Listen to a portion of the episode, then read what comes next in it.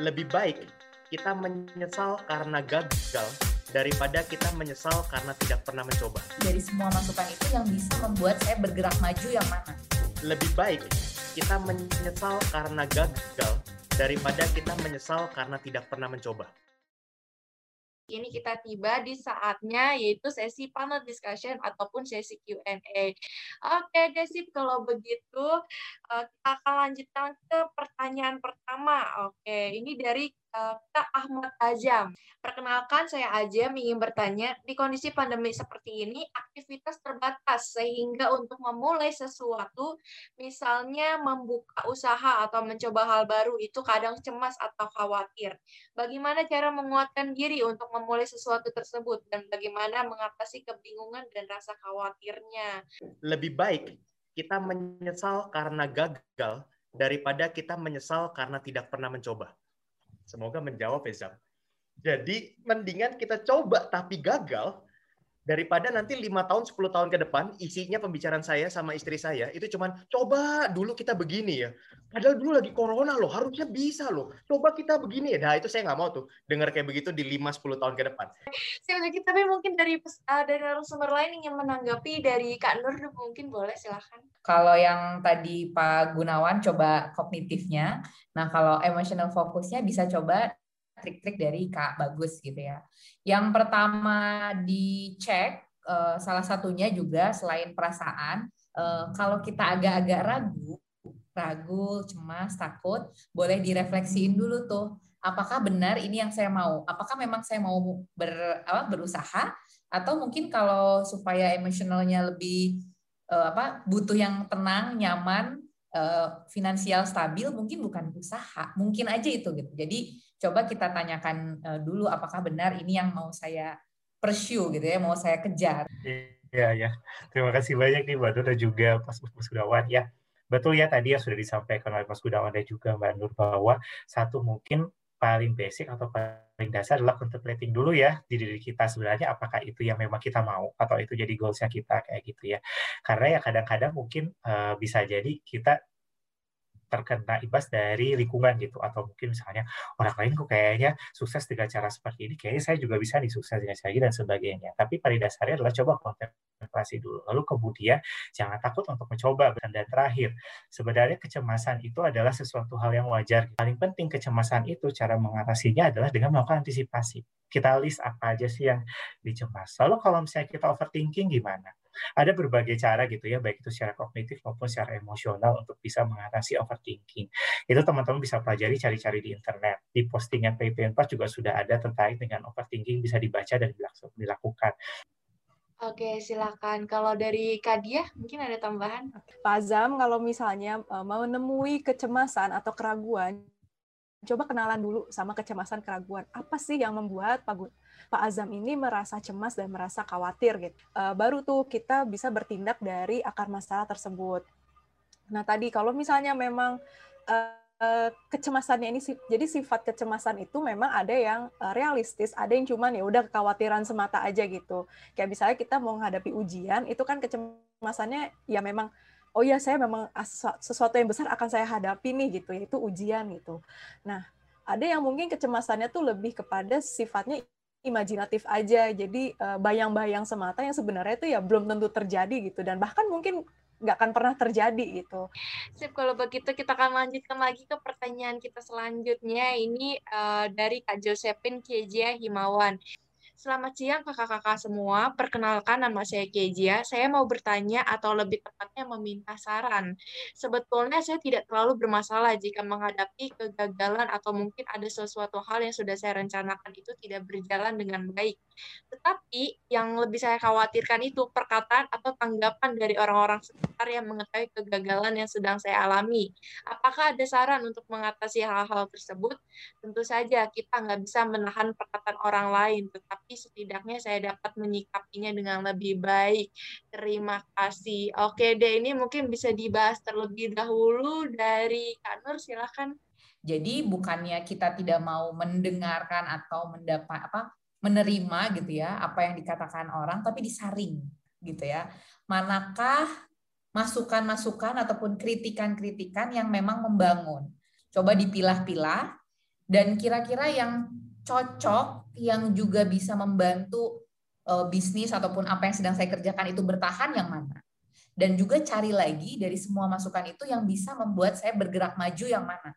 Nah, dipilih yang dua itu. Oke, mungkin ada tambahan dari speaker lain, mungkin dari Kadia, silakan.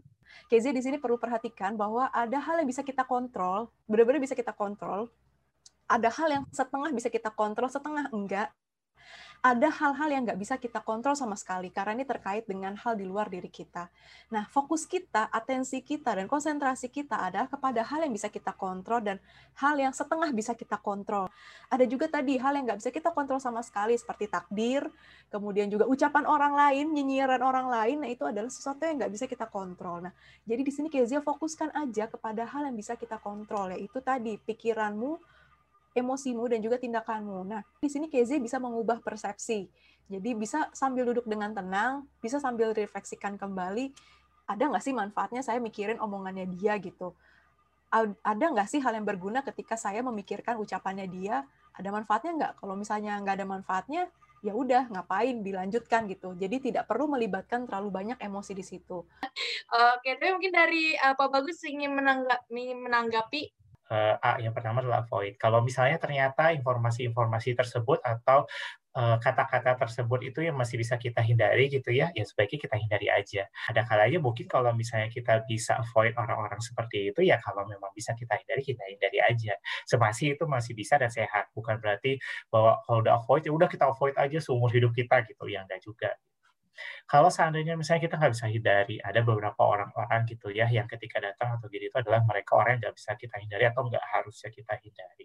Mungkin kita bisa pikirkan itu sebagai suatu alternatif. Alternatif itu maksudnya apakah mungkin pertemuannya dengan mereka itu nggak perlu ngomongin hal-hal yang terkait dengan hal ini gitu bisa dia kita ketemu tadi ini tapi kalau ketemu sama mereka langsung deh kita cari uh, informasi baru atau kita ceritakan ini baru nggak perlu membahas ini tentang mereka gitu semakin bisa kita kayak gitu ya kalau memang masih bisa ya udah nggak apa-apa Oke, Desip, thank you banget Pak Bagus untuk jawabannya. Dari Pak Gunawan ingin menambahkan? Di uh, 3A ya, aware, accept, adapt. Saya yakin teman-teman di sini sudah aware, sudah sadar gitu ya apa yang terjadi di sekitarnya proses accept ini proses yang cukup sulit dan butuh waktu ya. Seringkali orang langsung nanya ke adaptasinya adaptnya. Makanya orang nanya how to how to how to how to tapi dia melewati aware dan accept-nya. Ya jadi ini yang uh, perlu diingat uh, kembali. Dan saya menambahkan sedikit referensi kalau tadi uh, sudah dengan berbagai macam teori dan sudah dibahas ada satu buku yang mm, menurut saya masih akan cukup abadi ke depannya Seven Habit ya di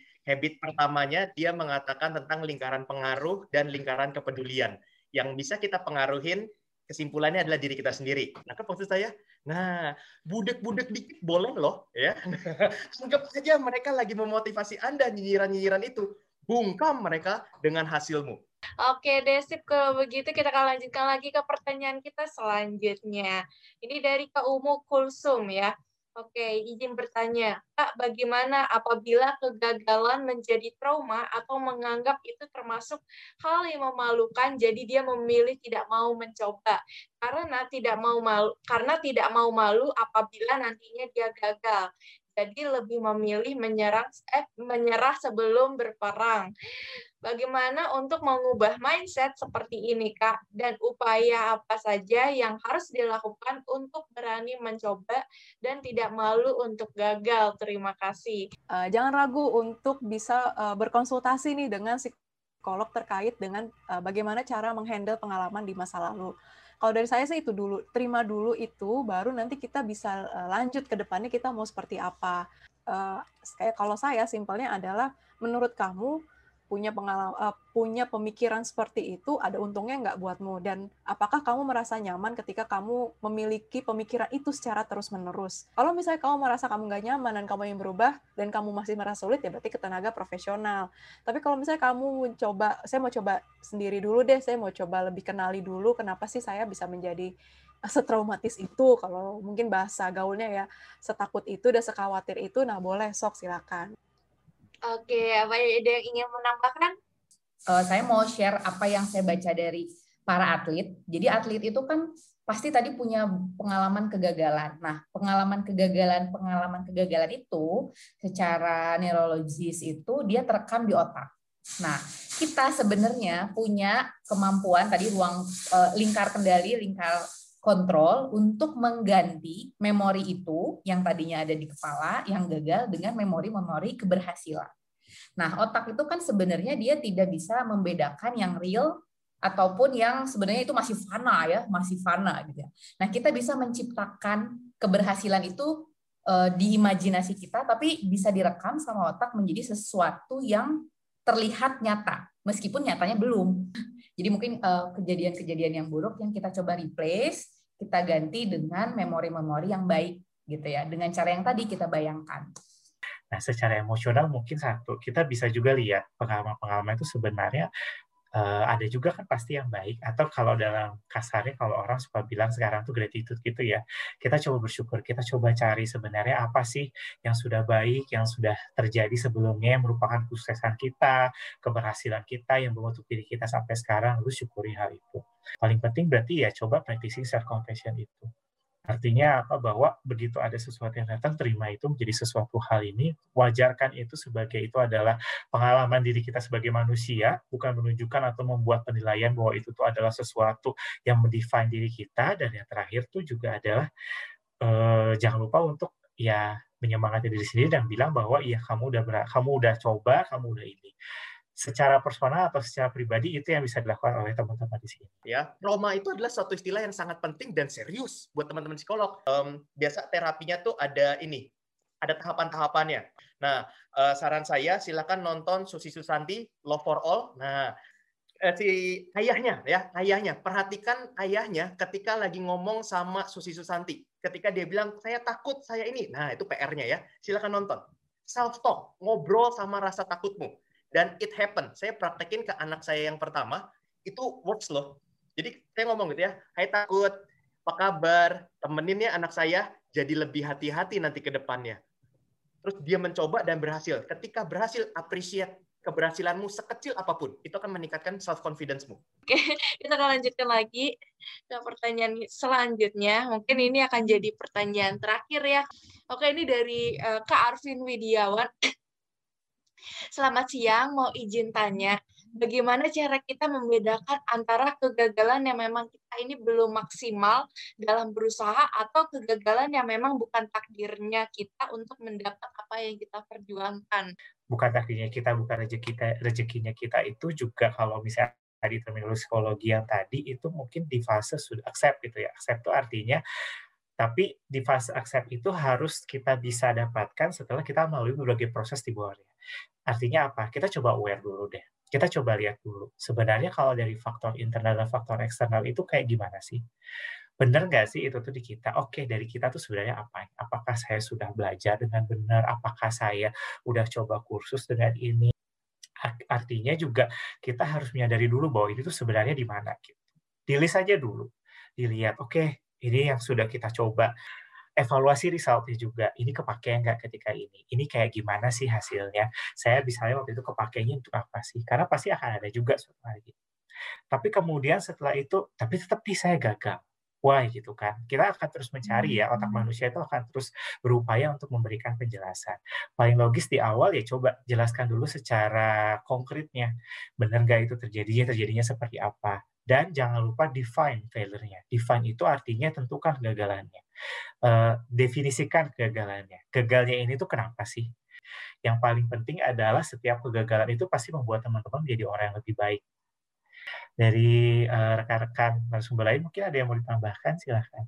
Goalnya apa? Nah itu dulu nomor satu ya, goalnya apa? Oke, kedua tadi juga Pak Nur kalau nggak salah ya, kamu milih mau jadi bola apa? Kamu mau jadi bola bowling atau bola basket? Kalau kamu jadi bola bowling, kamu kalau dibanting tuh suaranya ke mana-mana, tapi kerjaanmu menjatuhkan. Gitu ya. Tapi kalau kamu jadi bola basket, kamu dibanting, kamu akan membal lagi. Bahkan 10 orang minimal akan ngejar kamu dan ribuan penonton akan nyorakin kamu. Oke, okay? dan um, yang terakhir yang paling penting begitu ya, um, jangan salahin takdir atau Tuhan. Nah ini sering kali orang bilang e, berdoa aja akan ada jawabannya begitu ya. Wahai teman-teman, begitu ya. Saya mau ingetin, doa itu merubah pikiran dan mindset kita. Tapi yang merubah situasi siapa? Ya kamu setelah mindset dan pikirannya berubah, begitu ya. Salah satu self talk yang perlu dilakukan adalah kita mereframe, ubah kata sambungmu. ya. Kalau misalnya saya mau pergi tapi sekarang hujan, kamu akan ketemu seribu satu alasan untuk nggak pergi. Tapi coba diganti, saya mau pergi meskipun sekarang hujan. Kamu akan ketemu seribu satu alasan untuk kamu tetap pergi. Uh, lack of persistence ini. Uh, winners are struck but not destroyed. Ya, para pemenang itu memang akan diremukkan, tapi dia nggak akan pernah hancur. Don't quit because something went wrong. Quit because you tried your hardest and nothing made it better. Jangan pernah berhenti ketika sesuatu salah. Just because you failed, don't make you a failure. And just because you lost, don't make you a loser. Sip, kalau kayak gitu mungkin ada dari Kak Nur atau Kak Dia ingin menambahkan? Kalau dari saya, uh, mungkin kamu perlu refleksi dulu. Sebenarnya tujuanmu itu atau cita-citamu ini worth it banget nggak sih untuk diperjuangkan? Tinggal balik lagi ke kamunya. Bener banget tadi kata Pak Gunawan. Balik lagi ke kamunya. Kamu memilih untuk berhenti dan ya udah gitu atau kamu mau coba tetap lanjut selama menurut kamu ini adalah sesuatu yang benar-benar bagus banget untuk dipertahankan dan kenapa dan kayaknya layak banget untuk dicoba lagi kenapa enggak mungkin dari Kandur ada tambahan tambahan dikit aja uh, menyangkut teorinya uh, yang tadi disampaikan Kak Dia tentang the uh, growth mindset jadi Carol Dweck itu bilang kalau kamu lagi mengejar sesuatu, ada statement uh, yang dia sebut the power of yet. Carol Dweck bilangnya ya belum gitu kan. Belum bukan nggak berhasil tapi belum berhasil. Sip. Thank you banget Kak Nur untuk jawabannya. Oke okay, thank you untuk seluruh narasumber. Oke okay, dengan berakhir sesi lagi draw hari ini akhir kata kami ingin mengucapkan terima kasih banyak untuk para panelis yang sudah menyempatkan waktunya pada hari ini. Kepada Kak Gunawan kepada Kak Nur kepada Kak Indah juga ya kepada Kak uh, Bagus. Oke. Okay. dan terima kasih juga kepada media partner keren hari ini yaitu Kios Kamu Info info webinar gratis never Stop Learning dan sponsor kami yaitu kepada Spirit Psikologi Center, Quantum Education The Paradigma, dan Pure Training and Consulting yang telah mensupport acara kami pada hari ini. Juga terima kasih banyak ya untuk teman-teman semua yang sudah bergabung di Techminar kali ini. Mohon maaf apabila dari kami ada salah-salah kata dan berharap semoga Techminar kali ini bisa bermanfaat untuk kita semua. Dan sampai jumpa uh, di Techminar keren dan tentunya juga nih jangan lupa ya follow follow sosial media kita. Di sini ada teman-teman bisa uh, YouTube, Instagram, Facebook, LinkedIn, uh, Terus kita juga ada uh, Spotify, TikTok, dan semuanya ya. Oke, kalau begitu dari saya Cintia Lorene, sampai jumpa. Terima kasih semuanya.